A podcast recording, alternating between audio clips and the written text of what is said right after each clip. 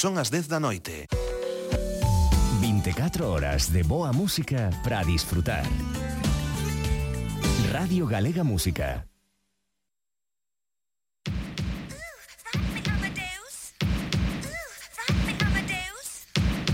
Cara B, con Manuel de Lorenzo.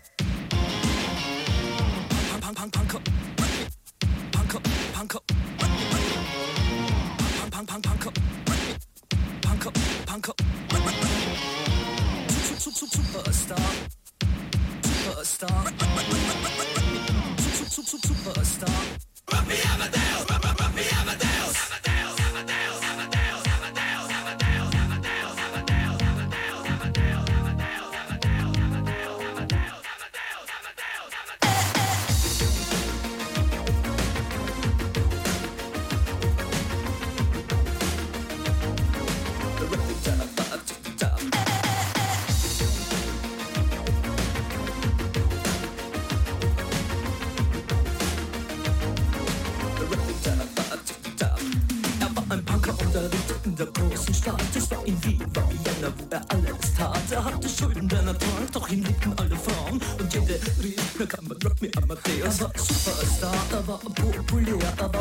Exaltiert, because er hatte Flair. Er war ein Virtuose, war ein Rockidol. Und alles rief,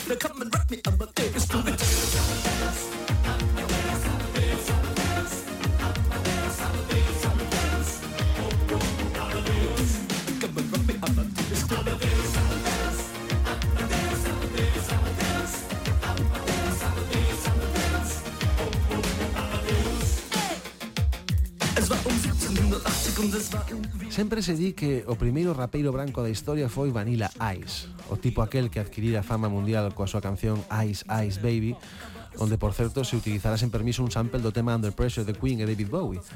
Aquela canción de Vanilla Ice converteuse nun éxito no ano 1990, tras ser incluída no seu segundo disco, no segundo disco do rapeiro, malia que ese álbum tivera unha versión anterior, publicada precisamente un ano antes, polo que podemos dicir que o tal Vanilla xa andaba rebulindo co seu hip hop dende 1989. Isto que está a soar de fondo, sen embargo, o tema co que abrimos o programa de hoxe data de 1985, 4 anos antes.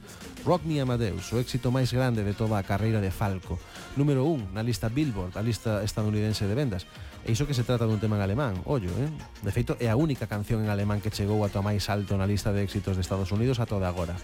Un home branco, europeo, cantando en, alema, en alemán, perdón, xa colocara un rap nas emisoras de todo o mundo alá a mediados da década dos 80. Moito antes que Vanilla Ice. O gran Falco.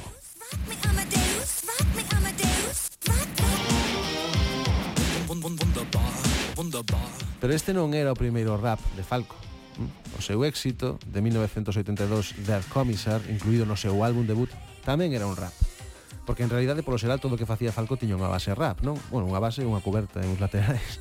E xa sei, xa sei que era new wave porque veu despois do punk, que tamén era synth pop porque usaba sintetizadores e había guitarras saturadas como no rock, que tiña estribillos pop, pero o que facía Falco, con todo iso mesturado, moi ben mesturado, era rap, non? El foi o primeiro rapeiro branco. Facía rap cando nin sequera o mundo sabía aínda que era o rap. E ademais, rap en alemán. Música Eu aínda non nacera cando Falco estaba a darlle forma ao seu primeiro álbum, pero escoitei moita da súa música na miña adolescencia na segunda metade dos anos 90 grazas a unha cadea de televisión chamada Viva, concretamente grazas ao seu segundo canal, o Viva 2, que en alemán chamábase Viva 2, no que se emitían videoclips de grupos alternativos do momento, programas sobre pop e sobre rock, vídeos e directos dos anos 70 ou 80, así como listas de reproducción de música electrónica nas noites eh, dos fins de semana, en fin, era Era un canal de pago, mm, ben por cable, se vivías nun país con televisión por cable, ben por satélite, que era o máis habitual naqueles anos, non? Aquilo de ter unha parabólica, pero para os que non tiñamos nin o un nin o outro, estaban os canais piratas, non? Naquel universo do espectro radioeléctrico no que afloraban de cando en vez cadeas clandestinas nas que se emitía todo o que era de pago, non? E o que polo tanto non tiñas acceso. Ai que mundo aquel, eh? Cheo de, de, de piratería e de clandestinidade. Sempre había unha pequena greta, unha fisura para quebrantar a lei, En fin, exactamente, exactamente igual que ahora. para qué nos vamos a enganar.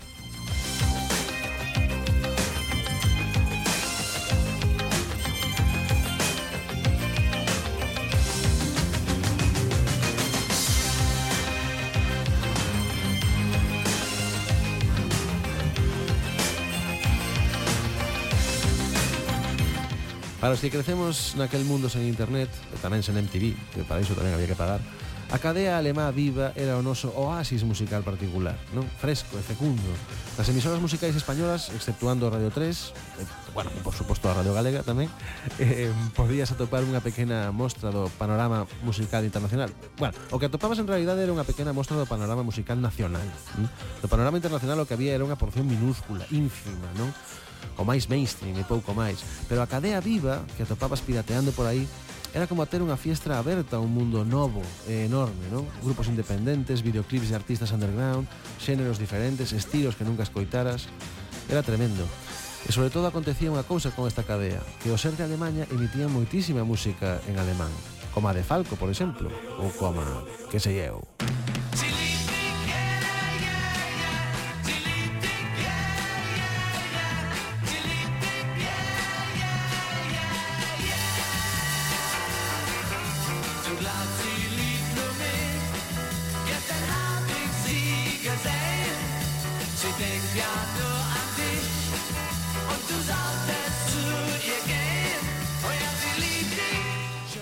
Estes son os Beatles que gravaron un par das súas primeiras cancións en alemán, concretamente I Wanna Hold Your Hand e She Loves You, que esta She Lived Dich, que está a soar de fondo. É certo que eles cantaron estes temas en alemán, pero eran británicos, non de Alemania. Ou sexa, igual que Falco, que era austríaco, non alemán, malla que vivía un tempo en Berlín. Eu penso que no imaginario popular todo o mundo o toma por un artista alemán, xa que en Austria, pois, falase alemán, non? El cantaba en alemán. E precisamente unha das grandes cousas da Vivas Vai, como estaba a dicir, eh, era esa, non? Que descubrías moita música en alemán que era unha pasada. De súpeto, os que non tiñamos acceso ao mundo interconectado como de agora, e solamente podíamos ollar ata onde alcanzábamos confins do noso panorama nacional, nos atopábamos de fronte con toda unha escena repleta de bandas que doutro xeito sería imposible descubrir, non? Ou polo menos eh, dun xeito tan, tan sinxelo eh, e eh, involuntario, pois como Die Totenhausen ou Echt, pero tamén con bandas alemás que cantaban en inglés, como One o Apes, que soaban constantemente na Vivas Vai. A min eh, e máis o meu irmán deunos a vida aquela cadea de televisión alemá e fixo que nos namoráramos aínda máis da música. Música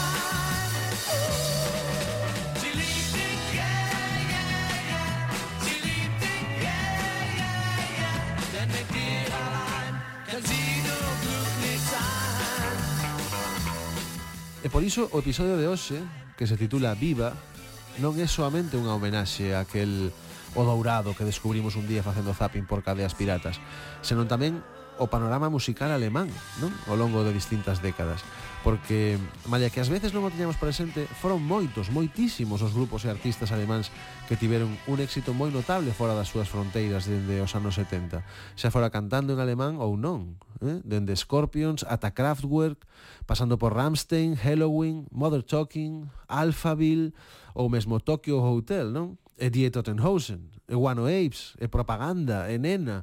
Son tantos que, que non sei se nos dará tempo a falar de todos eles hoxe e a escoitar as súas cancións. Pero imos tentalo, non?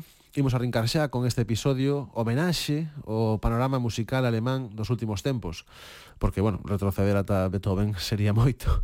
Eh, tentaremos facer un repaso polo máis destacado desta escena, eh, na que surdiron bandas e artistas de todo pelaxe e distinto nivel de repercusión, pero imos procurar que máis ou menos todas as correntes eh, estean reflexadas, a ver se nos sae ben. Benvidos todos e todas, polo tanto, eu son Manuel de Lorenzo e aquí comeza Cara B.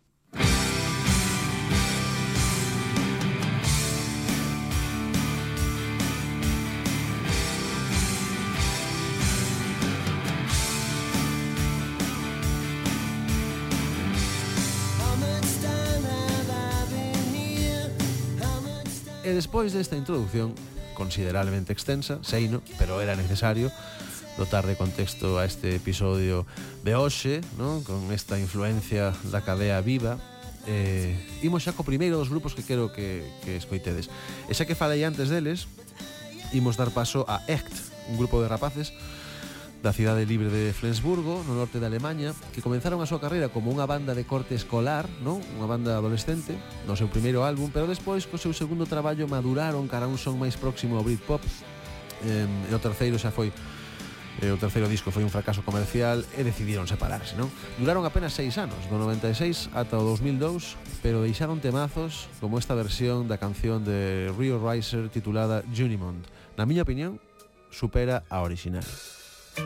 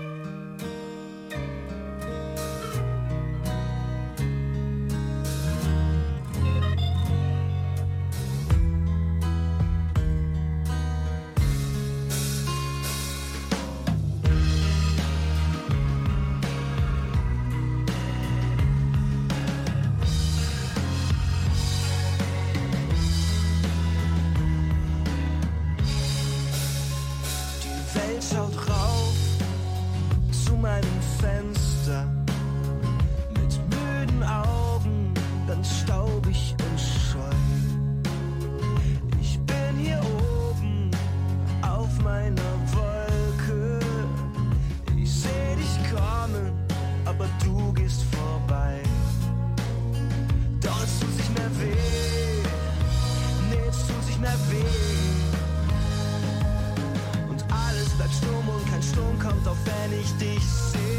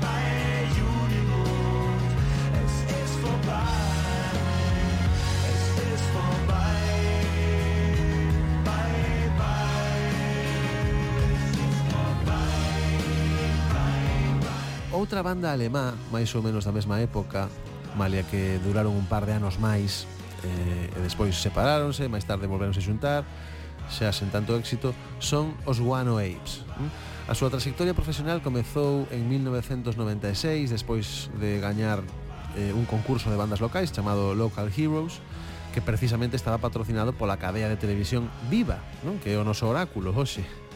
Eh, gañaron este concurso coa súa canción Open Your Eyes que serviu para que os fichara unha discográfica potente e publicaron un ano máis tarde o seu álbum debut, titulado Proud Like a God. Esa canción converteuse eh, no seu primeiro single e aquilo foi un auténtico petardazo, non? O de Open Your Eyes. A medio camiño entre o New Metal, o Grunge, o Skate Punk, Guano Apes pasaron a ser a banda de rock alternativo máis exitosa de Alemanha da noite a mañá prácticamente.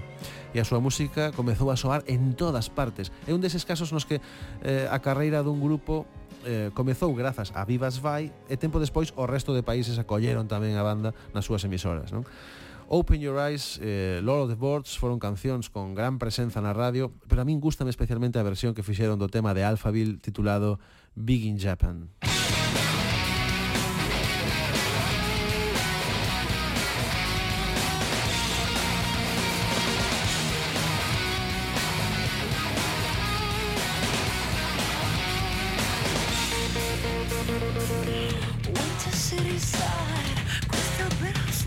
all around.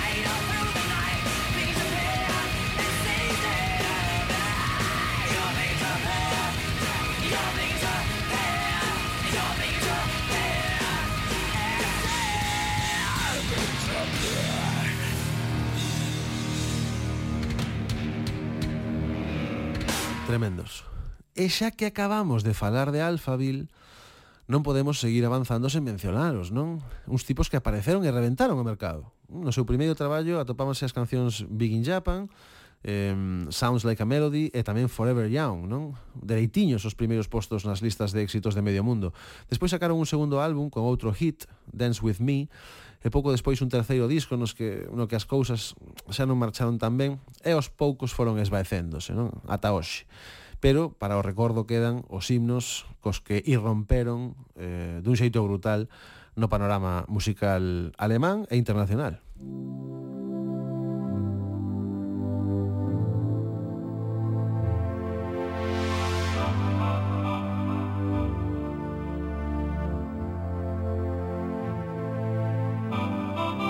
Let's dance and style. skies, hoping for the best but expecting the worst. Are you gonna drop the bomb or not? Let us die young or let us live forever. We don't have the power, but we never say never. Sitting in a sandpit, life is a short trip. The music's for the sad man. Can you imagine when this race is won?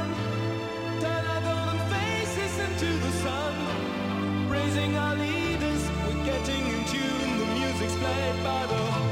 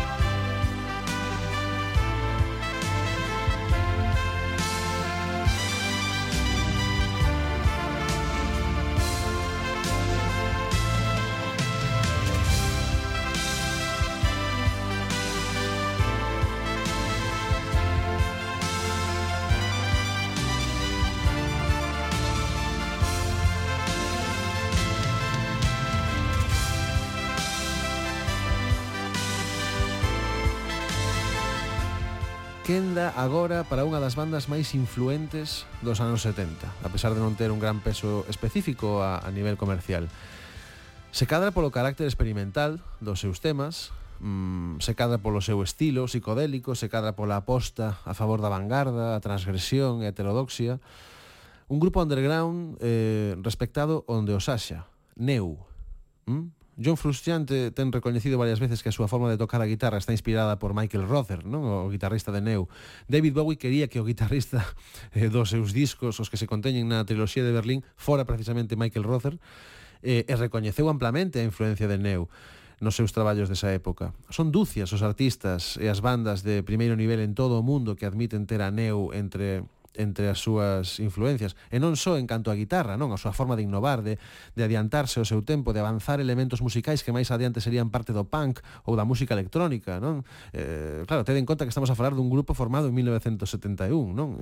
Eh, era algo asombroso. Os ritmos de, de batería de Klaus Dinger tamén foron algo que renovou o xeito de facer cancións, non? Un, uns ritmos que remataron converténdose nun xénero en sí mesmo, o motoric, esa especie de de pulso continuado e, e repetitivo, como se un estivera dentro do engranaxe dun reloxo, non, ou dunha máquina industrial. E as súas melodías minimalistas e sempre tan crúas, Parece increíble que os seus discos estiveran descatalogados durante un par de décadas porque a ninguén lle, lle interesaba reeditalos ata que eh, no ano 2000 obrouse o milagre e o mundo redescubriu a Neu. Música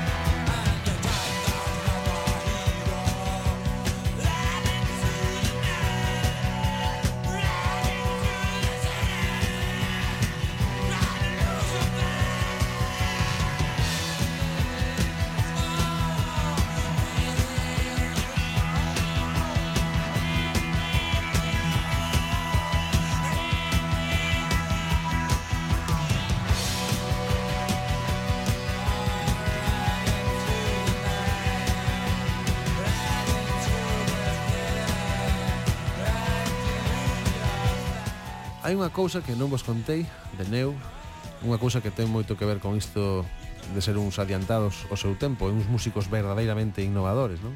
E esa cousa é que nos inicios de Kraftwerk, mm, probablemente a banda máis influente de todos os tempos na, na escena electrónica, Michael Rother e Klaus Dinger de Neu eran parte da formación eh? Militaban en Kraftwerk no ano 1970 Somente durante un ano, iso sí, o primeiro ano da trayectoria de, de Kraftwerk Porque o ano seguinte formaron Neu Pero o bo disto é que, claro, Neu levanos así directamente a outro dos grupos máis importantes da, da historia da música, pioneiros e, e responsables da popularización dun xénero tan extendido xe como o da música electrónica, eh, a todos nos ven a cabeza a súa posta en escena, non? A de Kraftwerk, como se cada un dos membros se atopase nun atril cara ao público, e todos temos bailado numerosas veces algúns dos seus hits, como Tour de France ou Trans Europa Express ou Autobahn. A día de hoxe, Ralph Hatter é o único membro fundador que segue nesta banda, unha das grandes bandas da escena alemá.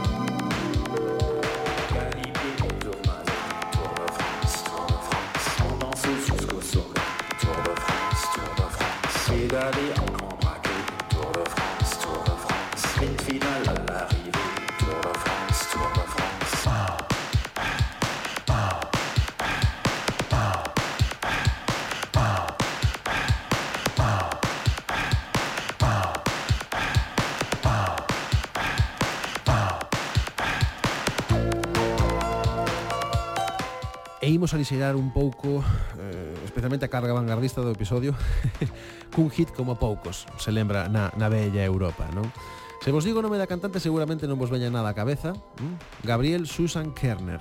Pero se vos digo que de cativa pasou un verán en España e que a xente pola rúa comezou a chamala nena, e que así lle quedou o nome para sempre, eh, e que ese é o seu nome, o seu nome artístico hoxe, pois seguro que xa vos, vos soa máis. Nena, cos seus 99 globos, que xunto con ela suman 100.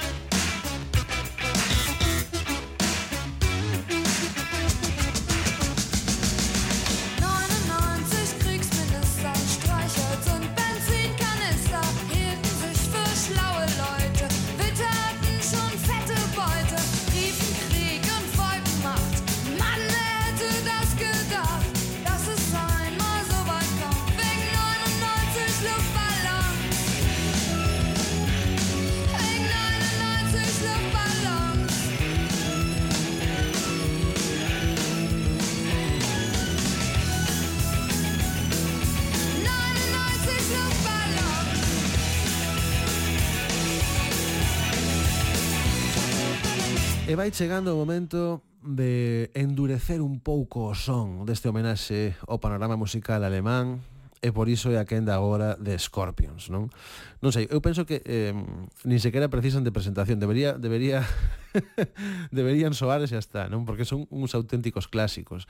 Tede en conta que levan aí dende o 65, eh? Dende 1965. Scorpions son unha das bandas de rock máis lonxevas, están case ao nivel eh, dos Rolling Stones. Eh? En canto a cifras, a cousa non é precisamente pequena, tampouco, eh? Son a banda de a banda da Europa continental, sen contar o Reino Unido, que máis discos vendeu no mundo, eh? máis de 160 millóns de copias. Grupos e artistas de todo o planeta eh, recoñecen a Scorpions como unha das súas principais influencias, non? Levan 18 álbums de estudio e seguen a rockear como un furacán.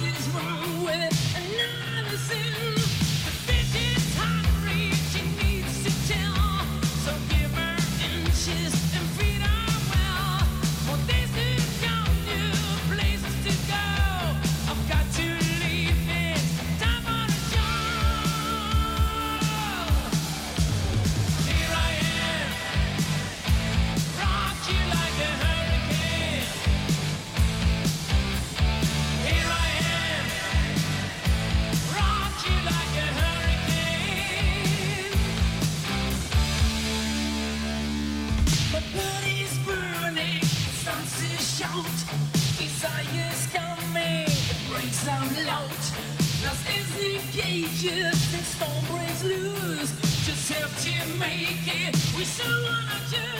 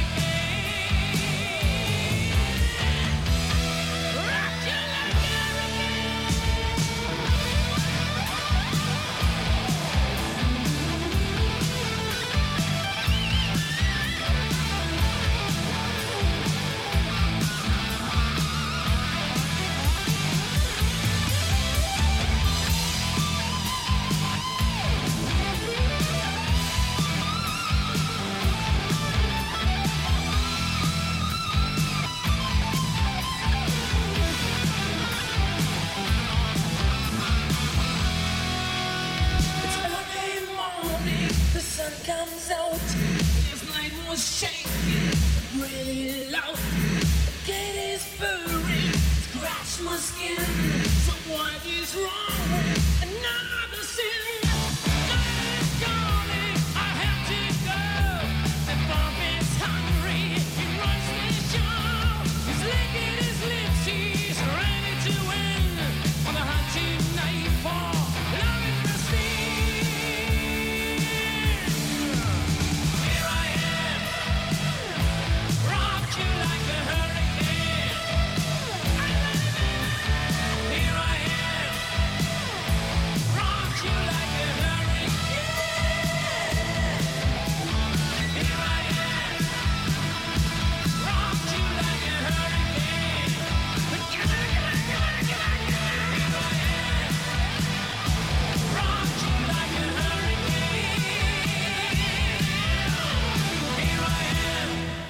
e seguimos endurecendo o son alemán para darlle paso agora os pais do, do power metal, non? Eu lembro cando tocaron en Ourense en maio do ano 1998 xunto con Dirty Deeds e con Iron Maiden, eh?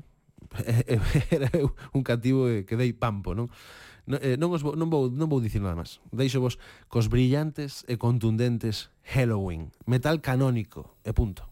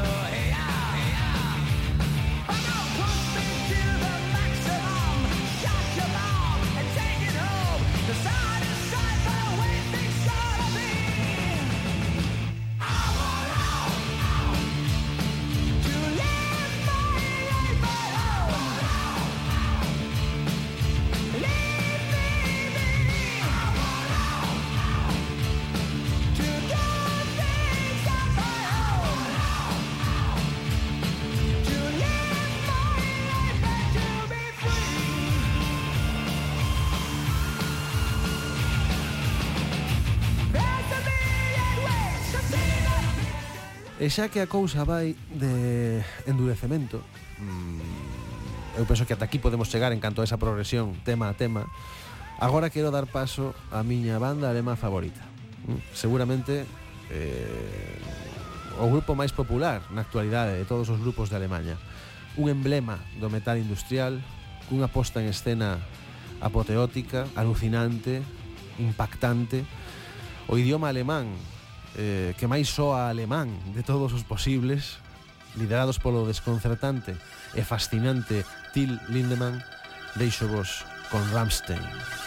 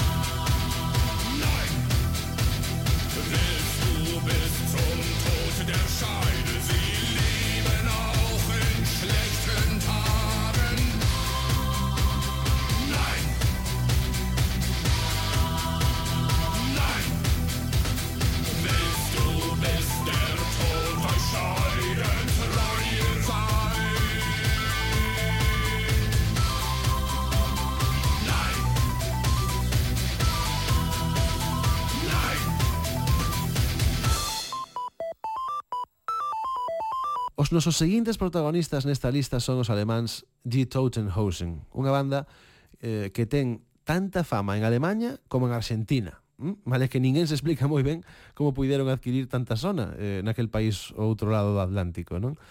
Xunto con Die Arze son o grupo de punk con máis éxito de Alemanha, eh, levan xa tres décadas en activo. Como curiosidade, un dato. A traducción literal do seu nome, Die Totenhausen, sería os pantalones mortos, non? Polo que normalmente a xente fora de Alemanha cree que o nome do grupo fai referencia textualmente a pantalóns sen vida, non?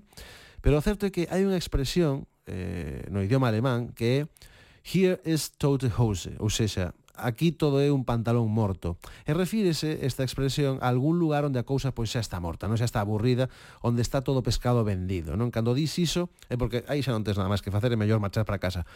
Realmente o nome da banda ven por aí, non? É como se un grupo de punk eh, de, de aquí chamásese, eh, perdón, se chamase O Pescado Vendido, non? Claro, ten un sentido figurado, mala que a traducción literal fose un tanto rara, non? O, o pescado vendido. En fin, Para min, en todo caso, Die Totenhausen, un grupazo.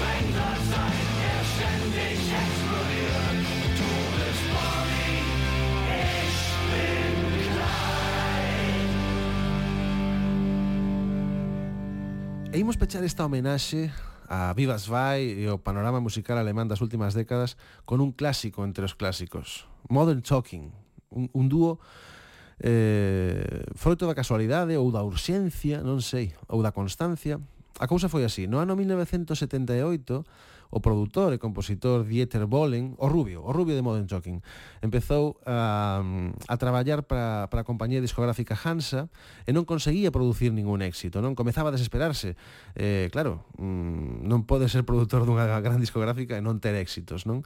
Empezou entón a traballar cun mozo, cun cantante chamado Bernd Weidung, eh, de nome artístico Thomas Anders, que é o, o Moreno de Model Talking, pero seguían sin lograr eh, colocar ningún tema de éxito, non?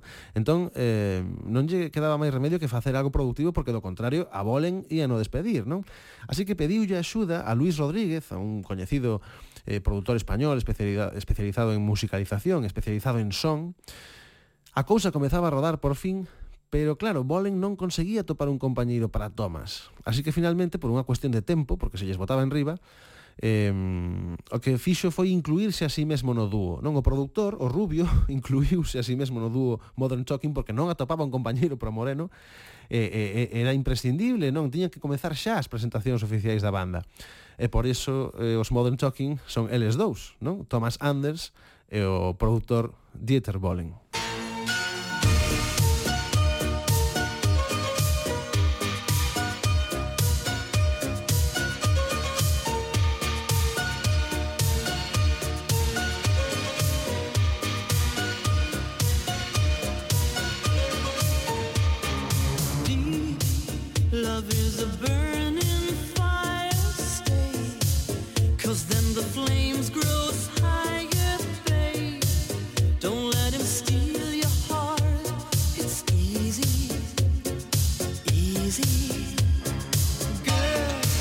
This game can't last forever.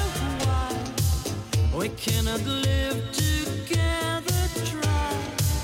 Don't let him take your love from you. You're no good, can't you see, brother Louis, Louis, Louis? I'm in love, set to free. Oh, she's only looking to me. Only love breaks a heart, brother Louis, Louis, Louis. She's only looking to me.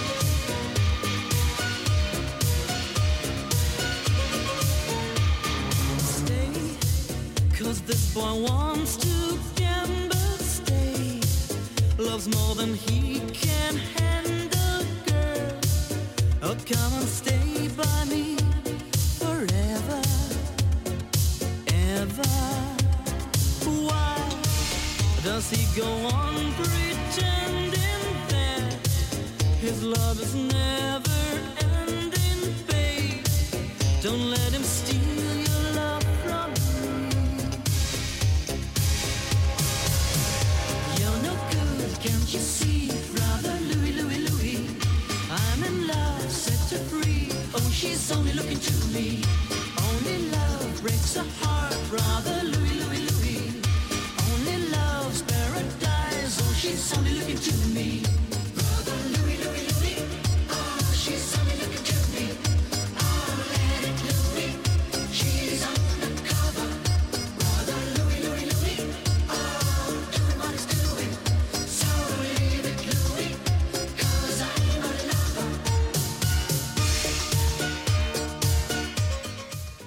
E ata aquí chegamos.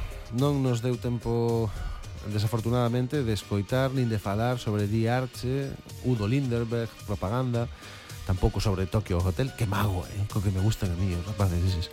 En fin, eh, outro día, non? Por de agora rematou esta homenaxe á escena musical alemá tan presente máis aló das súas fronteiras e de paso tamén esta homenaxe á cadena Vivas Vai que foi durante un tempo un buratiño polo que asomarse a outros panoramas musicais case do mundo enteiro, non? Así que, como sempre, espero que disfrutarades tanto como a nós deste episodio de hoxe, porque a vindeira semana volveremos con máis relatos curiosos e máis música neste espazo sobre a letra pequena das páxinas do rock e o pop que se chama Carabe. Non vos esquezades, iso sí, de buscar o resto dos nosos episodios na plataforma radiogalegapodcast.gal en Spotify e no resto das plataformas de podcast. Un saúdo, cuidadevos moito.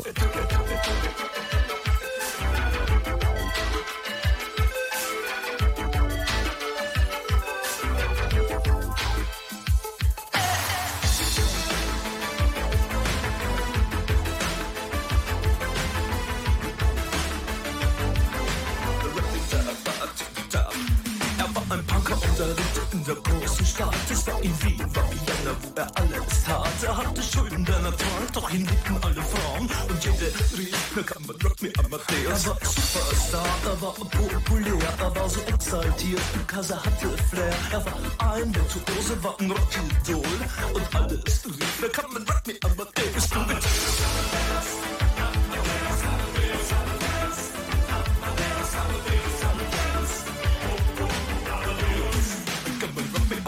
It's still available.